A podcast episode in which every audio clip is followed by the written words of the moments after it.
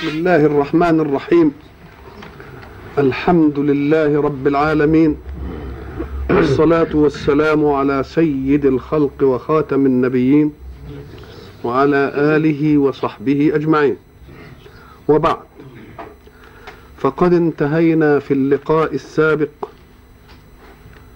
عند قوله سبحانه أعوذ بالله من الشيطان الرجيم.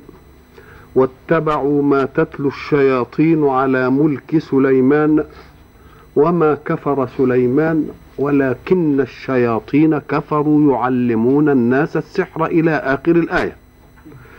وقلنا إن الآية نزلت بعد قوله سبحانه ولما جاءهم رسول من عند الله مصدق لما معهم نبذ فريق من الذين أوتوا الكتاب كتاب الله وراءهم ظهرية كأنهم لا يعلمون.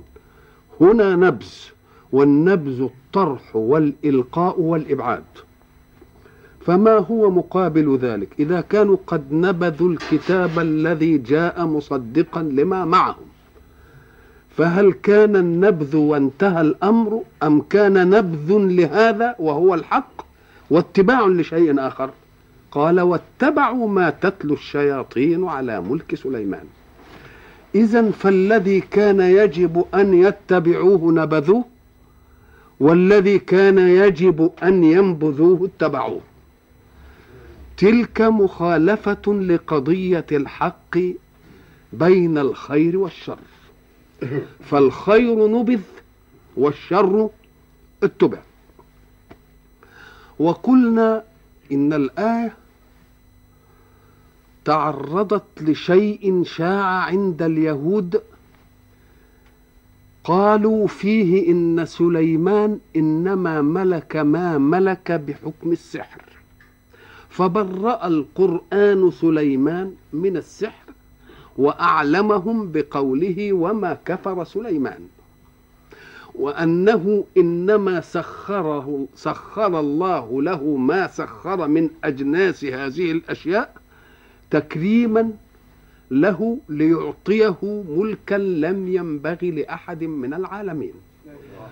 والسبب أن الحق سبحانه وتعالى في موكب الرسل وجد كل رسول صادف قومه مكابرين ومعاندين وكافرين ومتربصين به الدوائر.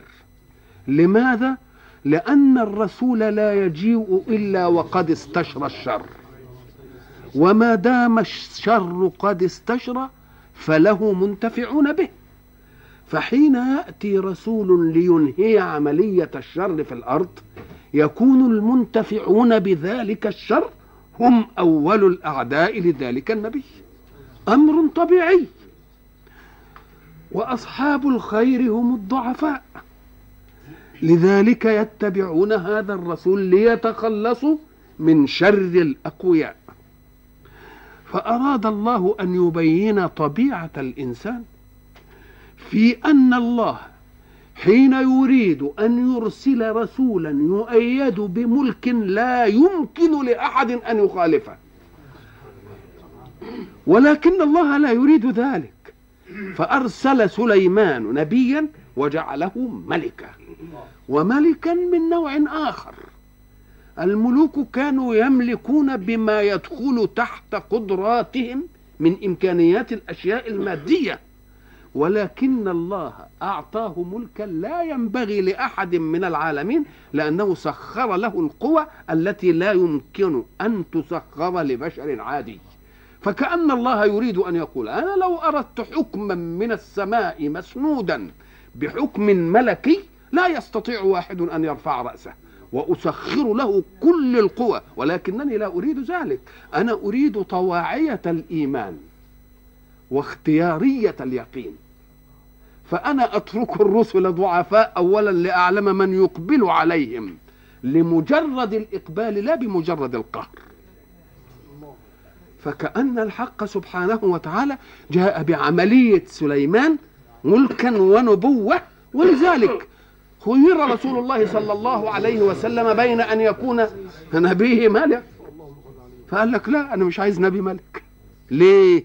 لأنه يبقى إذا كان ملك يبقى أوتي من أسباب قوة المادة ما لا يستطيع أحد أن يرفع رأسه أمامه.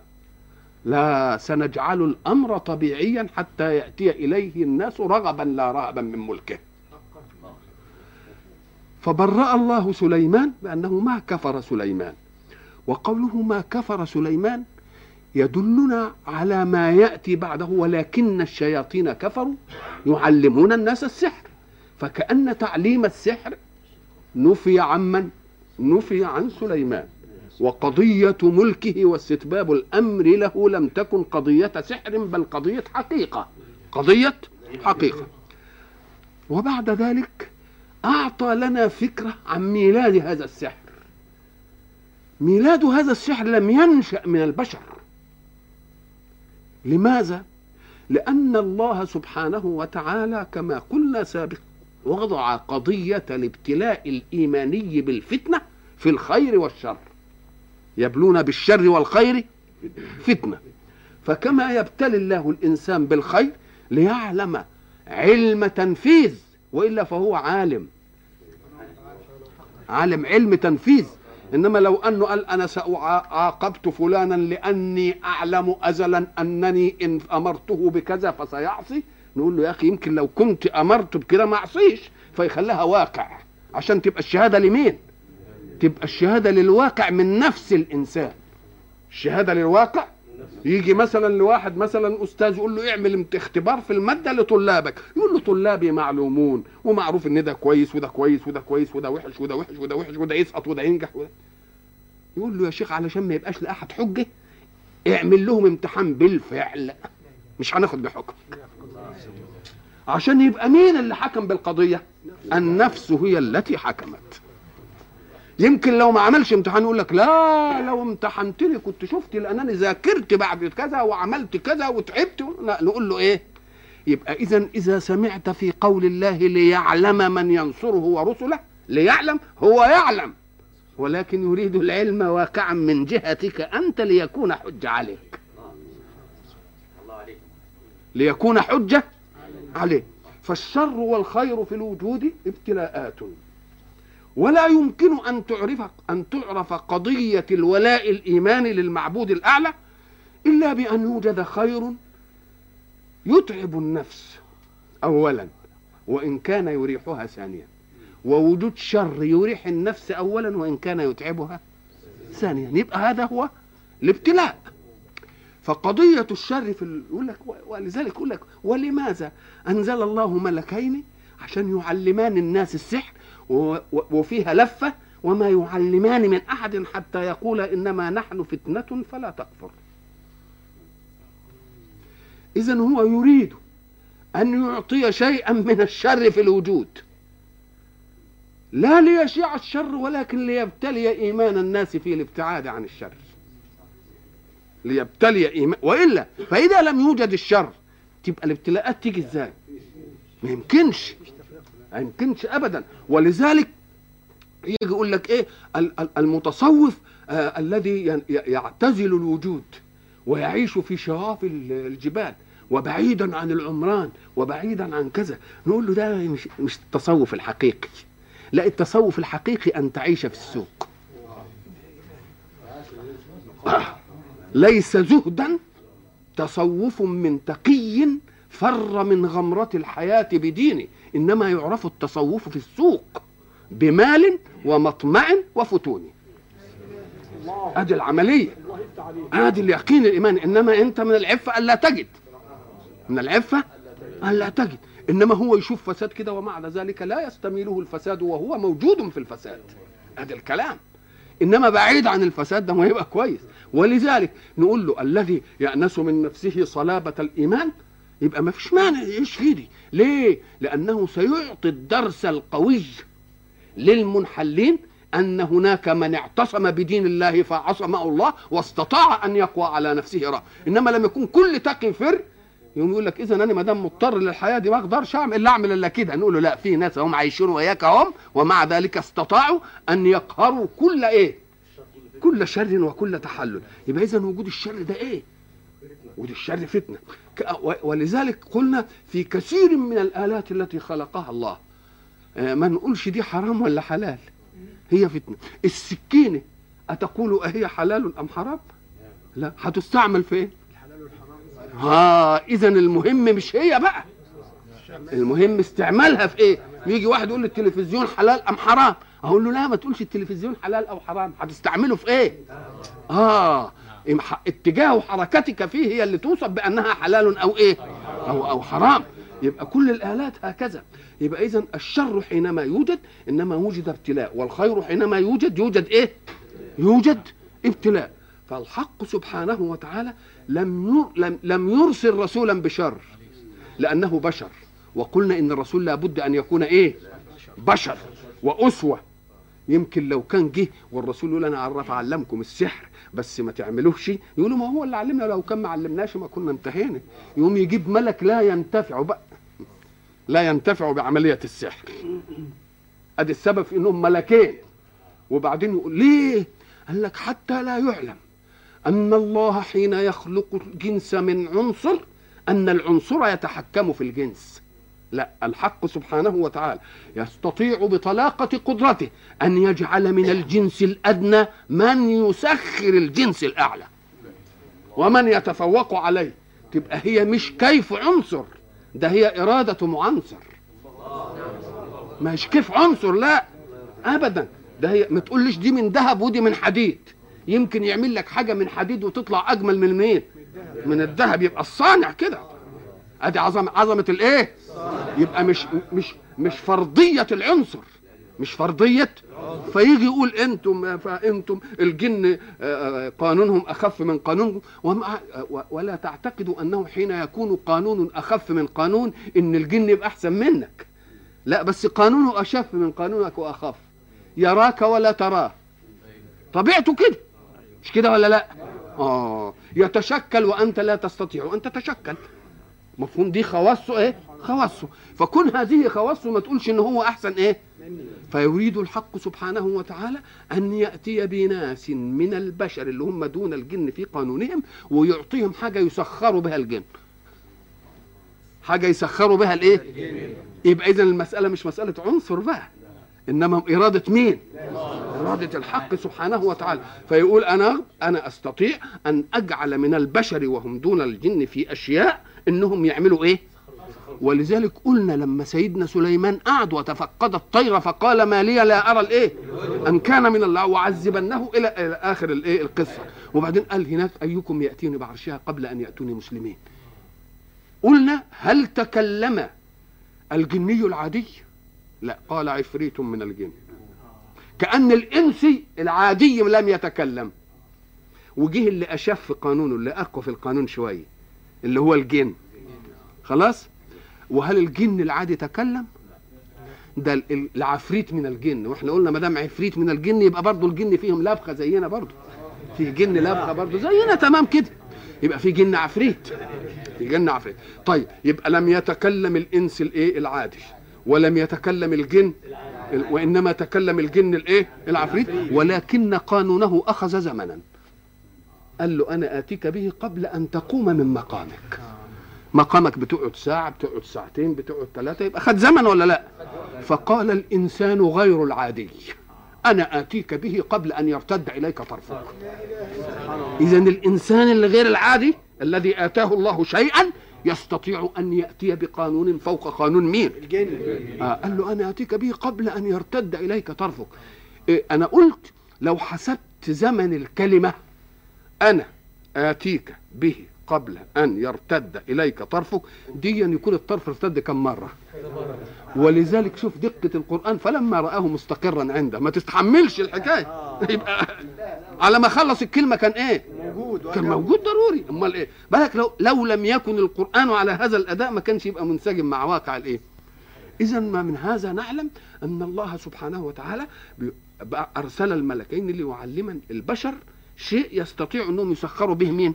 بس يقول لهم اسمعوا أنتم إذا عرفتم شيئا عن قوانين الجن وتسخيره كما قلنا سابقا ستكونون في تكافؤ الفرص أرقى ممن لا يعلم. وما دمت أرقى الميزان يختل. وقلنا سابقا أن الذي يحفظ التوازن في المجتمع إنما هو تكافؤ الإيه؟ تكافؤ الفرص. فإذا واحد خد فرصة مش موجودة عند الثاني يختل تكافؤ الفرص. وحركة الحياة إيه؟ تفشل. فقال لهم أنتم هيبقى ستصيرون إلى قوة استخدام هي استخدام الجن وبذلك تكون فرصتكم أقوى من فرصة سواكم. هذا يعودكم الطغيان. يجي واحد يقول لا أنا سأخذه ولا أستعمله إلا في كذا. نقول له أنت تقول ذلك وقت تحملك له إنما وقت أدائك لا تضمن نفسك. فمن الخير الا تعلمه وأنا قربت هذه المسألة قلت لولدي يقول لي هات لي إيه؟ مسدس. أؤمن لا آتي له بالمسدس. ليه؟ لأن معاه عيال يمكن يغيظونه بكلمة فينفعل فيضربه بالرصاص. مش كده ولا لا؟ يبقى من الخير انني إيه؟ ما أجيبش. يقوم هو الواد يقعد يزن وأمه تزن لا هبقى عليه رقيبة وما خليش يستعمله ومش عارف لا. الكلام ده وقت التحمل إنما وقت الأداء ما نضمنش. اذا فالملائكة جاءوا ليعلموا هذا فتكافؤ الفرص يمتنع. قالوا ما يعلمان من أحد حتى يأتي بالقضية الأساسية. إنما نحن فتنة يعني امتحان قاسي. لأننا سنعطيك سلاحا لا يوجد مع غيرك. وإذا أعطيت سلاحا لا يوجد مع غيرك فتكافؤ الفرص يختل. وإذا اختل تكافؤ الفرص أصبحت أنت لا تستطيع أن تحكم نفسك وقت غضبك. أنت الآن وقت رضا. لا يوجد أحد يغضبك. إنما هب أن أحدا أغضبك فيما بعد. يمكن لعلك تستعمل هذا. وما يعلمان من أحد حتى يقول إنما نحن فتنة إيه؟ فلا تكفر ويتعلمون منهما ما يفرقون به بين المرء وزوجه. هنا الوقفة. يقول لك ما ذنب المرء وزوجه لواحد يقعد يجيب شوية سحر وأشياء من دي ويفسد؟ إيه ذنبهم بس؟ نقول له الله وما ذنب الضعيف حين يسلط عليه قوي بمسدس معه ليطلق عليه رصاصة فيقتله. طب ما يؤدي بعضهم واحد مكن بسبب يفتك وهذا ممكن بسبب إيه؟ يفتك. بس ده سبب مادي معروف وده سبب غيب إيه؟ غيب معروف. تبقى هي القضية واحدة ولا لأ؟ إذا فالمسألة في أولها وفي آخرها أنه أعطي قوة فاستعملها في غير منهج الله. سواء كانت مادية بسيف يقتل به مش كده؟ أو بخنجر يطعن به أو بمسدس يطلقه أو بكلمة ينفسها أو بكلمة ألا يوجد من يفرق بين المرء وزوجه بمسائل مادية بأن يشي بينهم وأن يضع بينهم ما يفسد العلاقات؟ يوجد ولا لا؟ فكما يوجد ذلك في الأسباب المادية الظاهرة فكيف تحيله في المسائل الأخرى؟ المسائل الأخرى الذي يبعد عنك أنها كيف تحدث؟ نقول له كيف ديا أهو يجب أن تفرق بين مطلوبات العلم ومطلوبات الإيمان. الناس لما تدخل في مسألة لازم تحاول تفرق بين مطلوب إيمان ومطلوب علم لأن مطلوب الإيمان قضاياه غيبية. قضاياه إيه؟ لأنها لو حسية لا تحتاج إلى إيمان ليس مع العين إيه؟ أي إنما إنما اللي يحتاج إلى إيمان إيه؟ الأمور الغيبية والغيب الذي يحدثني به القرآن حدثه رسول صدق عن إله حق حدثه رسول صدق كونك لا تعرف كيف أو لا تعرف لما؟ نقول لك لما دي تديك قضية واحدة. خير, خير وشر فتنة. خير وشر فتنة. وفتنة ليه؟ علشان نشوف من يقبل على الله إيه؟ رغبا والمغريات موجودة إيه؟ موجودة أمامه. يبقى لما هنا واضحة ولا مش واضحة؟ في قضية العلم المادي إن وجدت كيف فلا توجد لما. إزاي؟ بقى في في في في, في, في الغيبيات لا توجد كيف وإنما توجد لما؟ لما تؤمنوا بأن في سحر وفي مش عارف إيه؟ لأن الغيب قال لي ذلك. يبقى لما وضحت ولا لأ؟ لكن كيف؟ طب إزاي بيعمل؟ ما أقول له ما تعرفهاش دي بقى لأنها غيب مش محس. وكيف دي تأتي للتجربة المادية؟ تأتي للتجربة هي يبقى العلم المادي لا يسأل عن لما وإنما يسأل عن كيف. والعلم الغيبي الإيماني يسأل عن ها؟ آه ولا يسأل عن كيف. نقول له كيف يتكون الماء؟ نقول له كم ذرة من الأكسجين وإيه؟ آه يبقى ذرتين وذرة. مش كده؟ هنجيب أكسجين ونجيب إيه؟ هيدروجين. ونجيب اتنين لواحد. مثلا يتكون مين؟ يبقى عرفنا كيف يتكون الماء ولا لا. طب ولما؟ اشمعنى يعني ما يتكونش الماء إلا كده؟ آه يبقى العلم المادي يجاب به كيف؟ ولا يجاب به لأن الواقع كده اللي بيحدث كده التجربة حصلت كده. مش كده ولا لا؟ طيب والعلم الإيماني يجاب به لما ولا يجاب به كيف؟ لأن كيف تبقى لازم تحدث قدامك.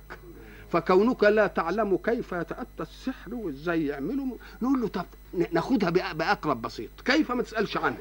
ولذلك لما سيدنا إبراهيم سأل الله أرني كيف تحيي الموتى؟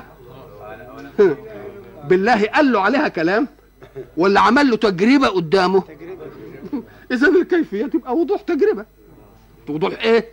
ما يمكنش يقول له عليها كلام. قال له اعمل كذا واعمل كذا واعمل كذا. تجربة. مم. ده كلام طيب يبقى اذا في مسألة السحر. نقول له يا أخي ما دام الشيطان يستطيع أن يتكيف بما شاء. يتكيف حمار يتكيف كلب. وقلنا أن تكيفه بغير ماهيته الحقيقية أمر يأتي لحظة أو خطفا أو مرورا عابرا ما يستقرش. ليه؟ لأنه إذا تشكل بشكل حكمه الشكل. إن تشكل بشيء مادي يبقى الماديات هو يخضع للماديات. إن مسكته كده وخنقته يموت. إن ضربته برصاصة ينقتل.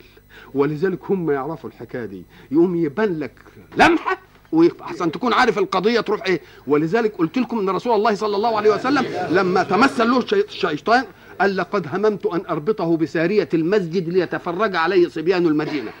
حين يربطه بسارية المسجد لا يستطيع أن يفك لأن القانون حكمه. مش أنت يا جني؟ أو يا شيطان ارتضيت أن تستعمل نفوذك في قانون تشكلك؟ خلاص تشكلت بإيه؟ بما مادي؟ يبقى لازم تخضع لقانون المادة بقى ما دام حبيتها بقى.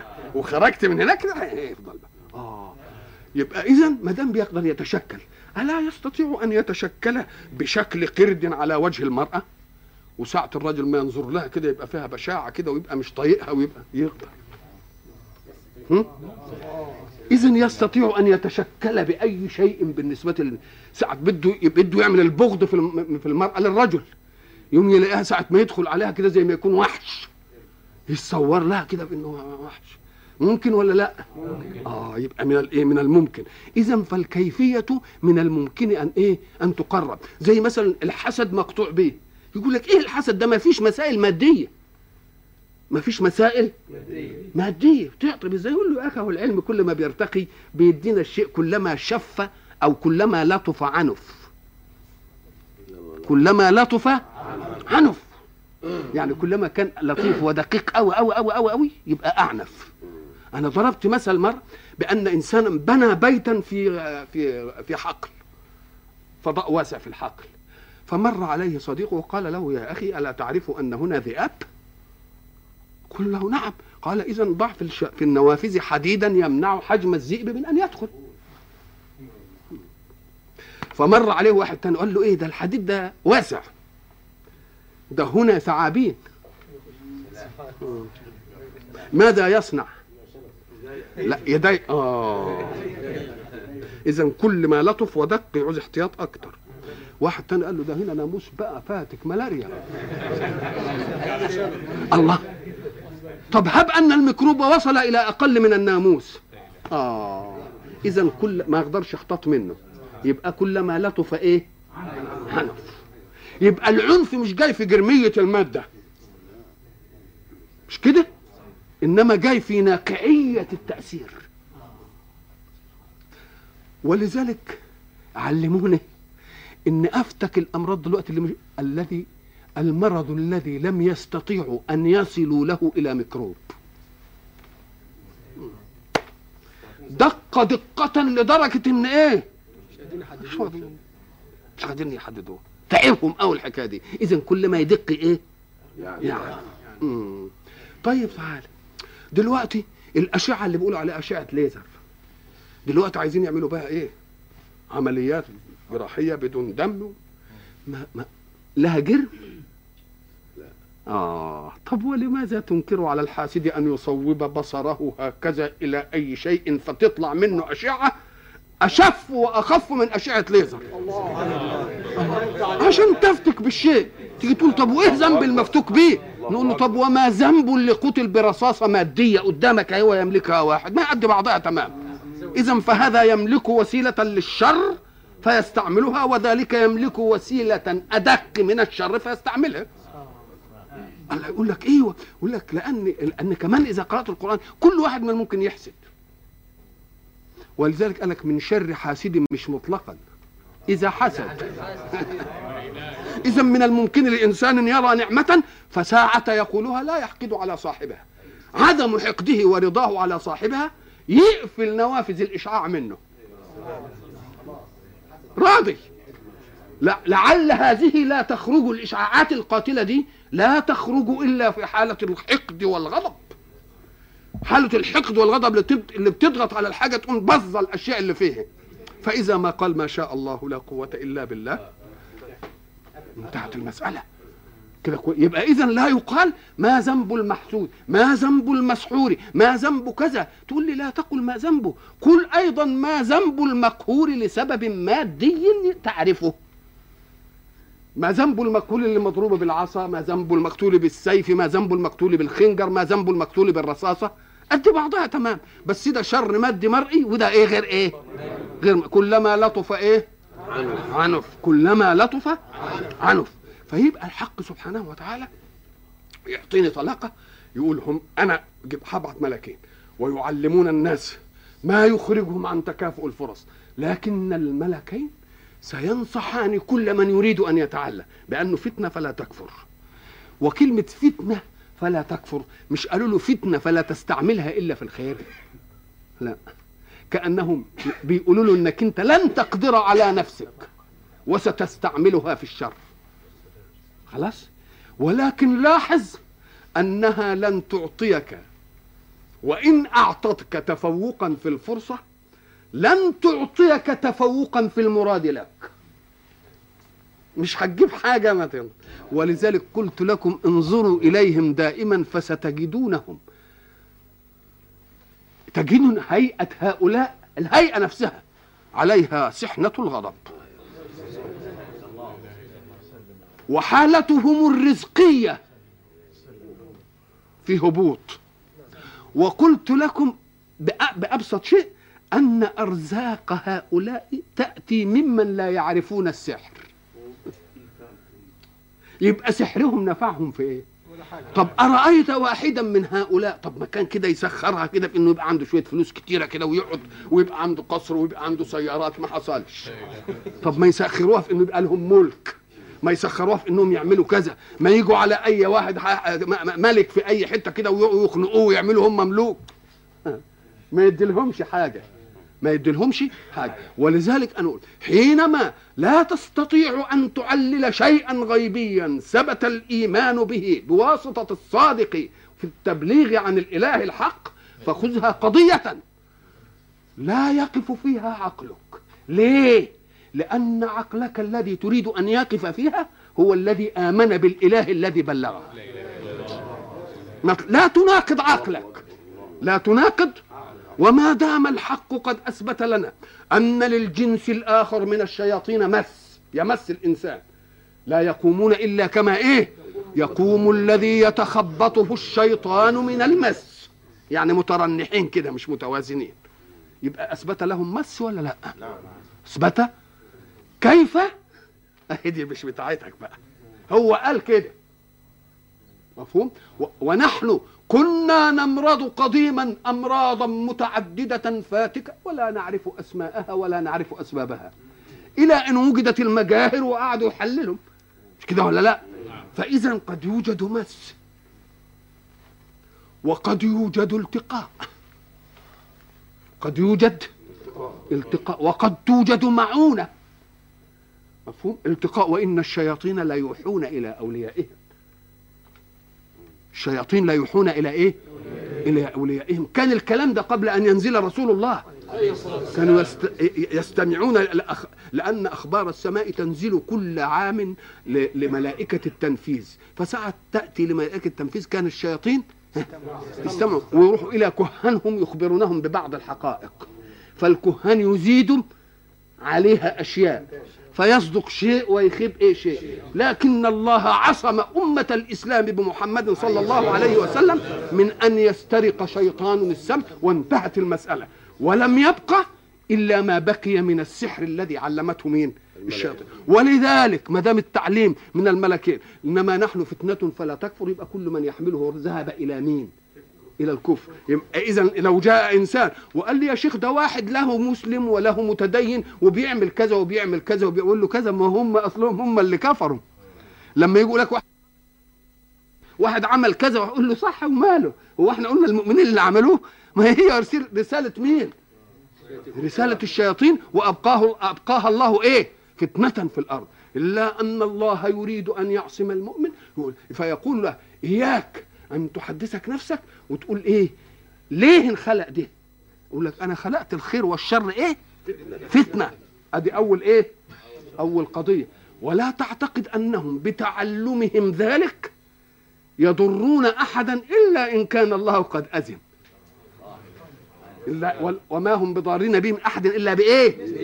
يبقى إذا طلاقة القدرة أعطت الطلقة وهي توقف الطلقة. الله. أعطت الطلقة وتوقف الإيه؟ وتوقف الطلقة. ولذلك ربنا علمنا إننا نستعيذ من هؤلاء ومن هؤلاء به هو. سبحان الله به؟ ولذلك لما تيجي الحالة زي دي وما هم بضارين به من أحد إلا بإيه؟ بإذن الله. بإذن الله. اللهم إنك أردت فعلمت. مش كده؟ ولكنك احتفظت بالإذن في الضرر لك. فأسألك بما احتفظت به. أن تكفيني شر ما علمته آه. مفهوم؟ يبقى إيه؟ أنت يا ربي عملت العملية دي ابتلاء. ولكنك احتفظت بشيء هو أن لا يضر السبب بذاته. لأنه لو أضر بذاته لكان كل ما صنعوا ضر. ولكنه جعله برضه لمين؟ للإذن. فهب أنهم فعلوا ولم يضر. فقد باءوا بوزر نيتهم في الفعل. والله أنجى بإذنه. يبقى الذي فعله الله أنه علم للابتلاء. والذي احتفظ به أن الضرر لا يكون إلا بالإذن. فإذا ما أردت لمسحور أو محسود أو إلى آخره تتجه له بإيه؟ اللهم إنك علمت ابتلاء. مش كده؟ ولكنك احتفظت لذاتك بالإذن في الضرر. فأنا أستعيذ بما بما إيه؟ بما احتفظت به من الإذن بالضرر. عما أبحت تعلمه فتنة. وبعد ذلك تقرأ ما علمنا رسول الله وما علمنا. قل أعوذ برب الفلق من شر ما خلق ومن شر غاسق إذا إيه ومن شر النفاثات في العقد ومن شر حاسد إيه إذا حسد. قل أعوذ برب أعوذ بالله بسم الله الرحمن الرحيم. قل أعوذ برب الناس ملك الناس إله الناس من شر الوسواس الخناس الذي يوسوس في صدور الناس من الجنة والناس. يبقى اذا لو أن مسحورا جاء له أمر وفهم أن ميزانه قد اختل ونظرته للأمور قد اختلت فما عليه إلا أن يسأل الله بما احتفظ الله به لنفسه وهو قوله وما هم بضارين به من أحد إلا بإذن الله. أنا أتحدى أن يستقبل أي إنسان أي شيء من فكرة السحر بهذا إلا رد الله كيد الساحر في نحره. ولكن الله يبقي لأنهم يثقون في أن الساحر فاعل. الإنسان بيضر نفسه. يقول له خلاص أنت مش خلاص هو يعني. إنما بكبرياء الإيمان. نقول له يا رب احتفظت بإذن بالإذن في الضرر لذاتك. فأنا يا رب أفزع إلى ما احتفظت به. من شر ما علموه. أفزعه إلى ما احتفظت به من شر ما علموه. وبكبرياء الإيمان ولا تروح لعن ولا تروح ل تروح لحاكم يهودي ولا تروح ل... لداعر ولا ابدا. ولذلك كل اللي بيشتغلوا في العملية ديت تلاقيهم إيه؟ شكلهم. شكلهم عليهم غضب. شكلهم عليهم إيه؟ اذا الله سبحانه وتعالى الذي قال ذلك تكافؤ الفرص يقول لا تظنوا أن تكافؤ الفرص سينفعكم في أمور دنياكم بل سيزيدهم رهقا وتعبا وأنه كان رجال من الإنس. يعوذون برجال من الجن عشان ياخذوا فرصة أقوى. فزادوهم إيه؟ فزادوهم رهقا أي زادوهم إيه؟ زادوهم تعبا. والحياة التي نحياها. لو أن العقل وقف على سر كل شيء فيها لما كانت أهلا أن تنسب لصنعة الله. يبقى عظمتها في إن في أشياء مش قادرين لسه إيه؟ ندركها. لو أنك دخلت مصنع وبعد ذلك عرفت فيه كيف يحلج القطن. ثم دخلت مكانا آخر فعرفت كيف يغزل. ثم دخلت مصنعا ثالث فعرفت كيف يصبغ أو وينسج. عرفت المسألة خلاص بقى. كل ما تشوف قماش حلو كده تقول أصله كذا وأصله كذا والعمل كذا يقول لك القطن اللي كان خشن ده بقى ناعم كده يقول لك يا سلام ساعتها يمر بالتمشيط وساعتها يمر بالمواد الكيماوية وساعتها يمر بالمش عارف الإيه وساعتها يمر أكنك عرفت كل إيه. آه. ليه؟ لأنك عرفت ما هو من صنعة بشر مثلك. فلو أنك أدركت كل شيء في الوجود وهو صنعة الله لكانت صنعة الله مقدور عليه. يبقى لازم تظل أمور كده يقف العقل فيها. ورحم الله العقاد حينما قال إن من عظمة الكون ده إن في أشياء العقل بيقف فيها. سبحان الله. لو ما كانش في أشياء يقف العقل فيها لما كان الكون ده أهلا لأن ينسب إلى أنه صنعة الله لأن الصنعة إذا فهمت لو أنك جئت من الخارج ومعك ساعة. قبل مثلا ما الساعة اللي كانت بتبين الثواني والساعة اللي بتبين التاريخ والساعة اللي بتبين كذا كانت تبقى عجيبة إنما لما تروح تتعلم تعرف إزاي اتعملت تقول له أصلها زاله دي اتعملت كذا وعملت كذا وعملت كذا وعملت. إنما حاجة ما حدش عارف سرها يقول لك دي صنعة بقى لسه إيه آه، عارف. فكأن العقل لو لم يقف في الوجود على أسرار لما كان الكون أهلا لأن ينسب إلى الله فكلما وقف عقلك عند سر فقل سبحان ربي. سبحان ربي. سبحان ربي. ويشاء الحق سبحانه وتعالى حتى لا تكون قولتك سبحان ربي بلا رصيد إيماني يفتح لك باب الغيب إلى أن تصل بعلمك التجريب إلى بعض الأسرار. فتقول الذي قلت فيه سبحان. إيمان؟ أصبحت أقول فيه سبحان عيان. الله. يفتح عليك. فإذا ما حدث ذلك يبقى كل شيء يدار عنك. بعدين تقول له لا هيجي له برضه تقول سبحان عيان. أدي معنى قوله سنريهم آياتنا في الآفاق وفي أنفسهم حتى يتبين لهم أنه الإيه؟ أنه الحق. يبقى اذا إياك أن تؤخذ حينما يقول لك حسد. نقول له أيوه يا أخي حسد؟ في إيه يعني؟ ما يجراش حاجة ابدا. ما ذنب المحسود؟ برضه تقول له تقول له طب وما ذنب المقتول بالسيف؟ طب ما هو ده سيف اهو قد بعضها إيه يعني؟ واحد اداله ربنا حاجة فاستعملها في الضرر. قد بعضها تمام. والمسحور آه كذلك. نقول له الذي يطيل أمد المسحورين أنهم يفتنون بالناس عن ربهم. ولو فطنوا إلى قوله سبحانه وما هم بضارين به من أحد إلا بإذن الله. لعلموا أنهم لا يفتنون. له اعمل اللي تعمله. والله لو أراد الله بي الضرر ولو لم يرد الضرر ما ضرر. اذا لا يفتن الناس إنما تطول بهم أسباب المسحورية اللي بيقولوا عليها ديا ليه؟ لأنهم يفتنون وينتقلون من سحار إلى إيه؟ إلى سحار. ومن مدجل إلى مدجل. ومن مشعوذ إلى ولذلك تجدون هبات التقاط الغيب تحدث في الجماهير كده أظن أنتم ما أدركتوش أيام السلة دي. أيام حكاية السلة ما خدت كل بيت بقى عنده سلة. مش كده ولا لا؟ وبعدين ماذا حدث؟ وما ما الحصيلة التي جاءت بها؟ ولا ولا شيء كده؟ آه نقول له يا شيخ تأدب ما تديش حقائق ابدا. ما تعطيش حقائق لأن فزادوهم إيه؟ فزادوهم رهقا واعلم جيدا أن الله من أكبر نعمه عليك أنه احتفظ عنده بالغيب عنده. لا إله إلا الله. لماذا تحاول أن تنقب عن الغيب؟ ليه؟ ده نعمة الله عليك إنه ستر غيبك وغيب غيرك عنك. تصوروا عالما كده مفضوح الغيب عند بعض. ماذا يكون موقف الناس؟ ما يمكنش إذا من رحمة الله بالناس أن ستر عنهم الإيه؟ ولكن الناس يحاولون أن يصنعوا إيه؟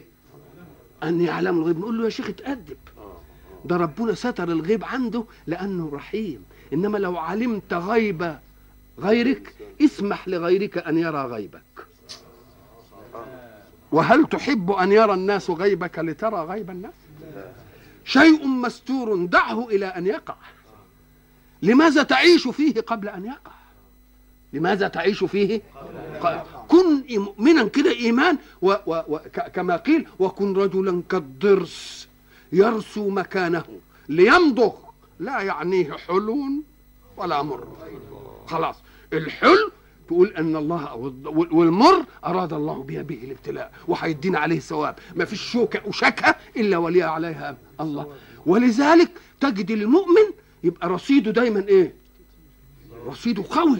ليه؟ لأنه قوي إلى ركن شديد تصور بقى إنسان يعلم أن كل شر يصيبه حتى الشوكة يشكه له عليها ثواب. طب دي تبقى إيه دي؟ حلاوة إيه الحياة دي؟ اذا آه حلاوة الإيه؟ حلاوة الإيمان. وبعد ذلك إذا ما نزل أي نيجي تقول لواحد مسحور تقول له يا أخي أنت بتشوف آه، أسرة آه، يمرض زوجها. رجلها أو تمرض المرأة أو يمرض وحيدها ما بتشوفش هذه الحاجات. أنت بتفسرها على إنها إيه؟ شر. إنما هي مرادات الله فيها الخير. ولذلك أعطانا بالغلام اللي قتله. مش كده؟ العبد الصالح عمل إيه؟ حتى إذا إيه؟ لقي غلاما فقد قال أقتلت نفسا زكية بغير نفس لقد جئت شيئا إيه؟ نكرا قال ألم أقل لك إنك لن تستطيع معي ده الغلام ده أب- أبواه مؤمنين. فأريد أن يحتفظوا بالإيمان لانهم كانوا هيفتنوا فيه. هيفتنوا فيه. ويرتشوا عشان خاطره ويسرقوا عشان خاطره ويغرهم ويكفرهم وتبقى مصيبتهم سودة. فأنا خدته الولد إلى الجنة صار لأنه قبل التكليف. يبقى من من صالحه هو. ومن صالحكم أنتم. خلاص؟ يبقى المؤمن بيستقبل الإيه؟ الأحداث محسودا يستقبل الحدث بأن هذا أمر أراد. وهب أن إنسانا جاء بسيف فقتلني. ماذا يكون الموقف؟ ولا شيء ابدا. يبقى اذا الأسباب مادية م- مرئية أو غيبية مؤمن بها من الإيمان يجب أن تحترم أقضيتها. وإلى لقاء آخر إن شاء الله. الله عليك.